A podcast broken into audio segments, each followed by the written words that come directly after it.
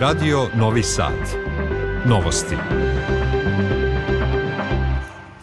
Dobar dan, ja sam Slobodan Vidović. Ja sam Tatjana Miražić. Skupština Srbije raspravlja o Kosovu i Metohiji. Poslanicima se obratio predsednik Vučić i izneo plan od 10 tačaka o politici Srbije u narednom periodu. Tokom rasprave bilo incidenata između poslanika opozicije i vladajuće koalicije. Država najavljuje subvencije za zamenu starih dizel vozila. Kikinski Toza Marković planira povećanje proizvodnje crepova. Najviši zvaničnici Evropske unije u Kijevu. Na Svetski dan vlažnih staništa počinje obnova močvarnih staništa u rezervatu prirode Gornje Podunavlje. Sutra kiša, povremeno kažu meteorolozi, temperatura do 8 stepeni, za vikend hladnije. Od ponedeljka ledeni dani, sada je u Novom Sadu 6 stepeni.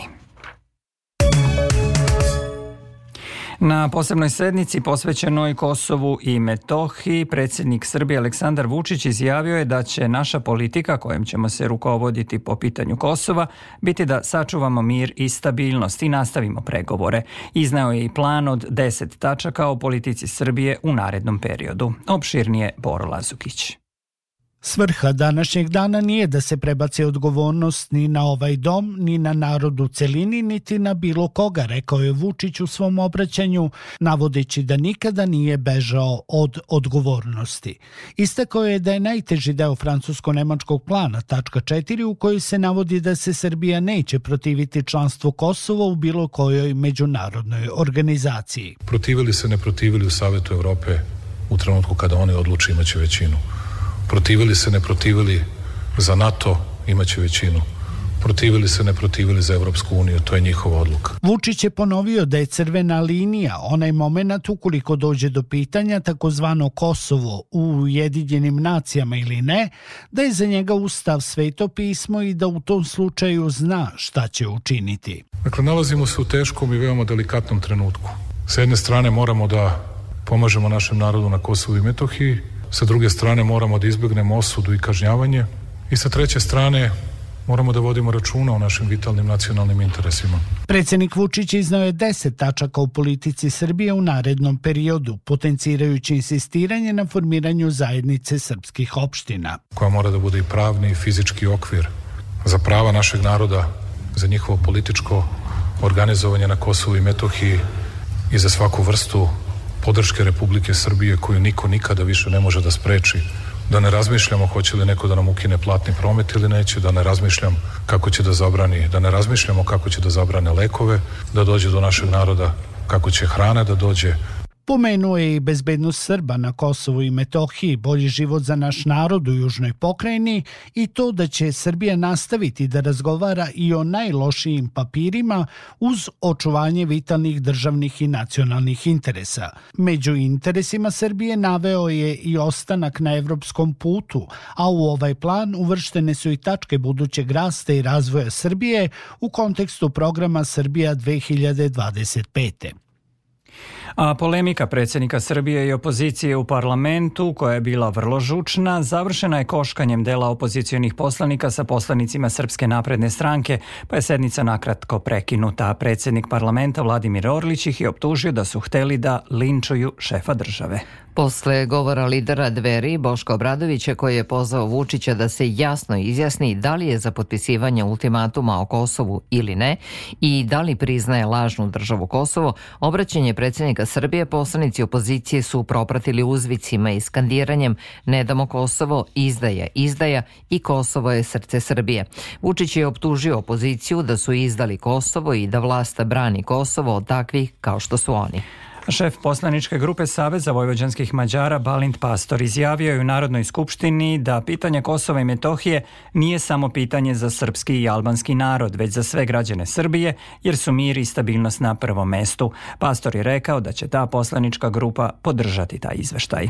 On je dodao da je možda bilo bolje da su poslaničke grupe izrazile spremnost da razgovaraju konkretno o non-paperu i da bi verovatno bilo korisnije da je taj razgovor obavljen bez javnosti i kamera, a ne da svako drži svoje govore i da juri glasove potencijalnih birača.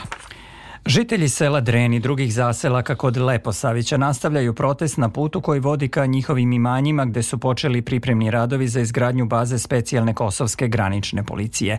Radovi su za danas obustavljeni i nije poznato da li će i kada biti nastavljeni. Kako prenosi RTS u selu Dreni, jutros je bilo više desetina pripadnika kosovske policije, od kojih se umeđu vremenu jedan deo povukao.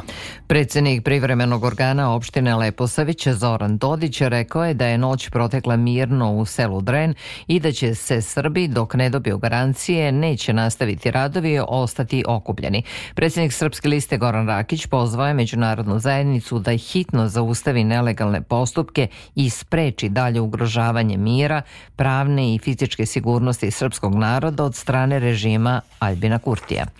Savetnik državnog sekretara Sjedinjenih američkih država Derek Šole podržao je u razgovoru sa šefom srpske diplomatije Ivicom Dačićem u Vašingtonu angažovanje Srbije u dijalogu s Prištinom i naporima da se promovišu mir i bezbednost u regionu. Ponovo smo potvrdili dugogodišnje prijateljstvo između Sjedinjenih država i Srbije, naveo je na Twitteru Šole uz zajedničku fotografiju sa Dačićem. Ministar inostranih poslova Ivica Dačić u Vašingtonu prisustuje tradicionalnom molitvenom doručku. Ranije izjavio izjavio da je taj događaj dobra prilika da budu organizovani i mnogi bilateralni susreti. Smatra da bi bilo dobro da srpska delegacija, osim ostalih, razgovara sa ljudima iz Američkog kongresa i State Departmenta o situaciji na Kosovo i Metohiji. U State Departmentu su jasno rekli da podržavaju principe nastave Srbije, da je to e, državni sekretar Blinken u telefonskom razgovoru sa predsednikom Vučićem veoma jasno naglasio, da oni pozdravljaju takvu poziciju e, Srbije i naravno dao podršku Sjedinomuških država za nastavak i razvoj strateških bilateralnih odnosa između Sjedinomuških država i Srbije. Slušate novosti. Počela je isplata prvih januarskih penzija sa povišicom od 12,1%. Sa ovim povećanjem prosečna januarska penzija u Srbiji će iznositi oko 37.000 dinara. Isplata je počela za korisnike iz kategorije samostalnih delatnosti. Vojnim i poljoprivrednim penzionerima primanje će početi od subote, a korisnicima iz kategorije zaposlenih 10. februara. Građani koji odluče da nabave novije vozilo sa Euro 6 motorom moći će da dobiju subvenciju od države iz izjavio je ministar građevinarstva, saobraćaja i infrastrukture Goran Vesić. Kaže da je taj program posebno značajan jer treba da dovede do smanjenja zagađenja vazduha. Realizacija će početi sledeće godine i trajeće dve godine. Svako ko reciklira staro dizel vozilo trebalo bi da dobije subvenciju od oko 2000 evra za kupovinu automobila. Opširnije Eva Tomović. Podsticaj za nabavku ekološki čistih vozila iznosit će 2100 evra za kupovinu putničkog automobila, 2500 evra za kupovinu lakih teretnih vozila i 2900 evra za kupovinu autobusa.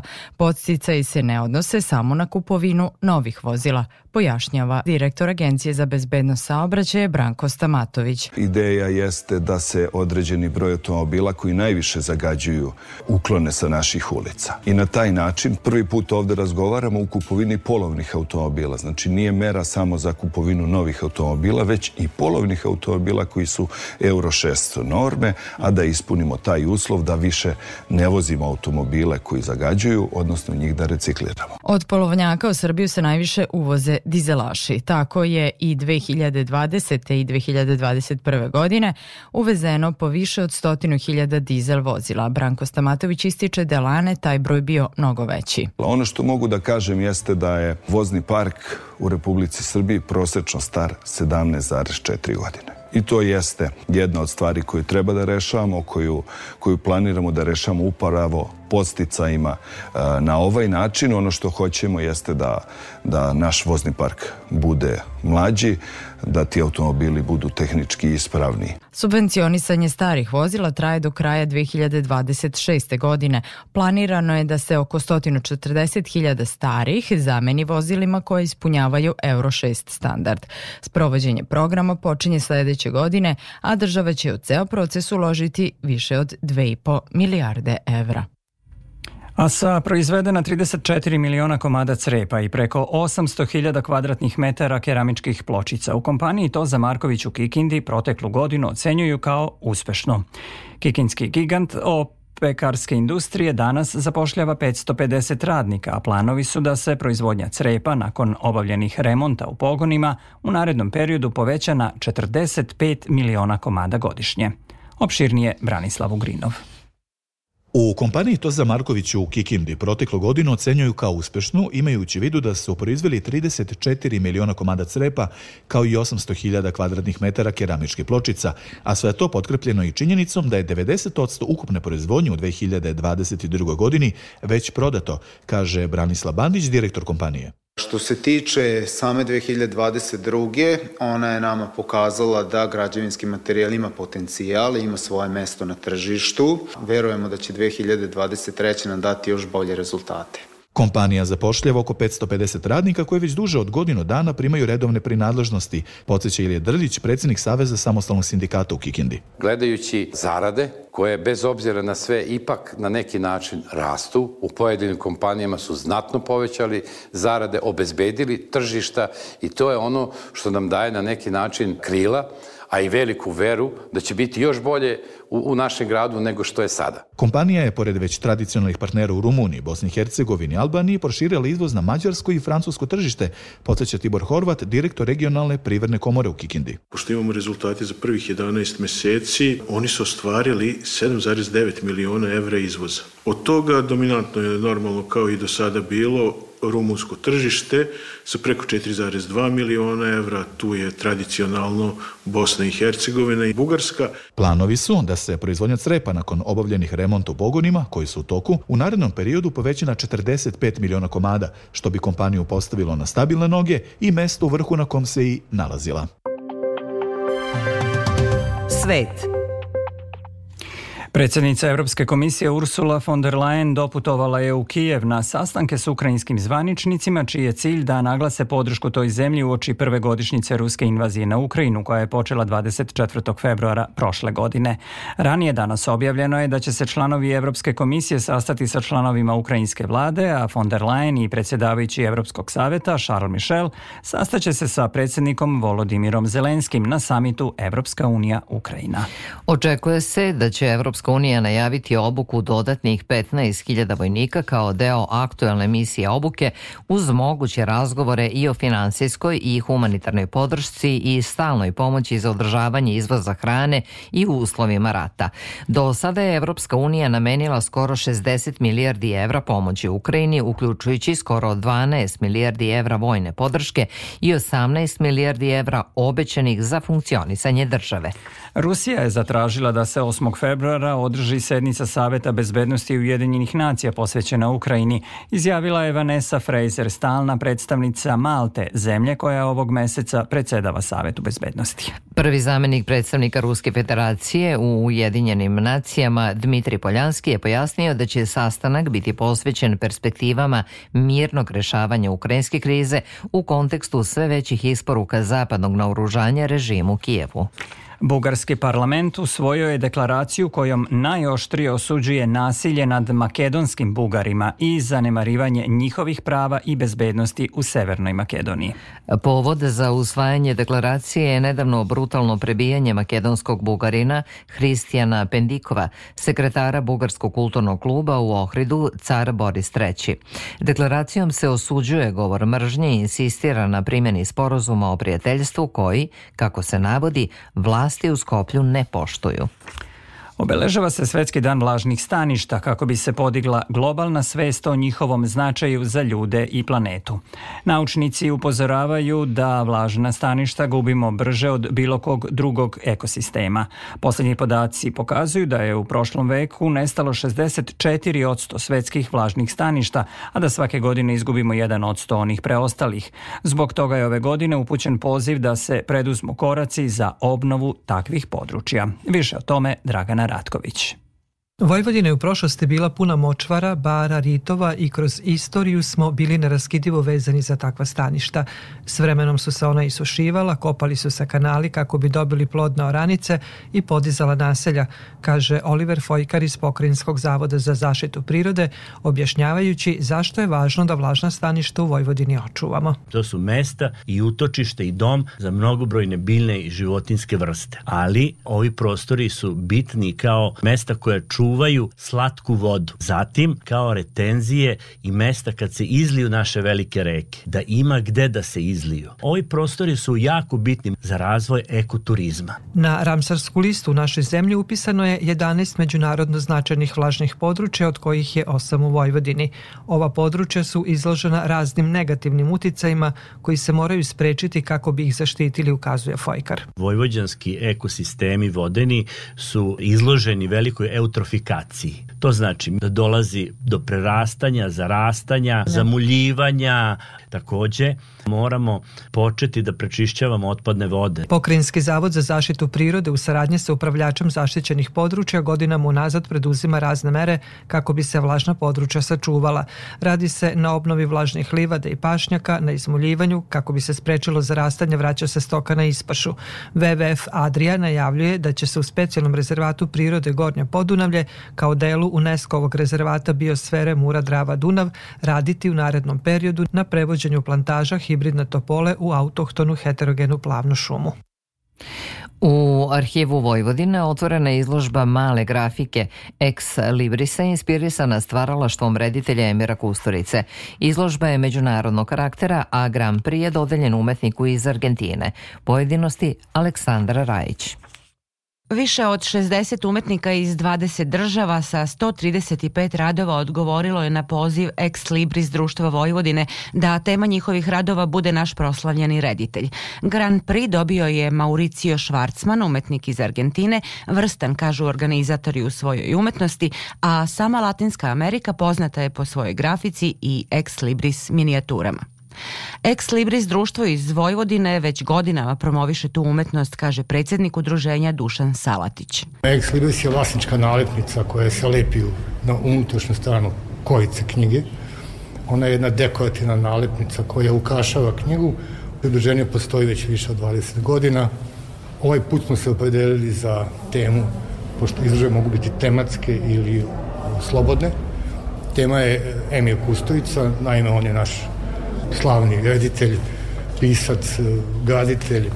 On je planetani lik i onda smo se dokodili time da će umetnici iz celog sveta znati o kome se radi i poslati svoje radove. Izložba Ex Librisa je u Novi Sad stigla iz Trebinja, traje do kraja meseca, a potom gostuje u Kruševcu i Andrić gradu. U novostima informacije iz sporta. U 23. kolu košarkaške Evrolige Crvena zvezda od 20 časova i 30 minuta gostuje italijanskoj Olimpiji Armani iz Milana. Mlada futbalska reprezentacija Srbije igraće u grupi F sa selekcijama Engleske, Ukrajine, Severne Irske, Azerbejdžana i Luksemburga u kvalifikacijama za Evropsko prvenstvo koje će biti održano 2025. godine u Slovačkoj. Odlučeno je žrebom Unionu.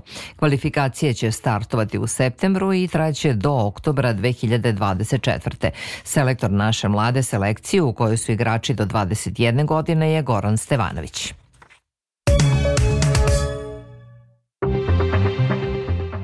Podsećamo na najvažnije vesti. Skupština Srbije raspravlja o Kosovu i Metohiji. Poslanicima se obratio predsednik Vučić i izneo plan od 10 tačaka o politici Srbije u narednom periodu. Najteži deo evropskog plana predviđa da se ne protivimo članstvu Kosova u međunarodnim organizacijama. Tokom rasprave bilo incidenata između poslanika opozicije i vladajuće koalicije. Država najavljuje subvencije za zamenu starih dizel vozila. Kikinski Toza Marković planira povećanje proizvodnje crepova najviši zvaničnici Evropske unije u Kijevu. Na svetski dan vlažnih staništa počinje obnova močvarnih staništa u rezervatu prirode Gornje Podunavlje. Sutra kiša povremeno kažu meteorolozi, evo detaljnije prognoze. U Vojvodini u petak razve umerene do jake oblačnosti tokom dana sa pojavom kiše povremeno, vetar slab zapadni i severozapadni, pritisak iznad normale, minimalna jutarnja temperatura od 1 do 2, maksimala od 6 do 8 stepeni. U Srbiji u subotu hladnije i pretežno oblačno sa kišom. U nedelju prepone moguća je povremena susnežica i sneg u jugozapadnim i krajnjim južnim predelima, na severu zemlje sa dužim sunčanim periodima. Od ponedeljka ledeni dani. Za Radio Novi Sad, Žika Pavlović, Meteos. Slušali ste novosti prvog programa radija Radio Televizije Vojvodine. Ovu emisiju možete slušati odloženo na sajtu rtv.rs gde možete pročitati i sve važne informacije i zemlji i sveta. Emisiju tonski realizovao Novak Vasiljević, producent Branislava Stefanović. Pred mikrofonom bili Slobodan Vidović i Tatjana Miražić. Posle Radio Sporta i Vesti u 16 možete slušati reprizu emisije U dobrom društvu.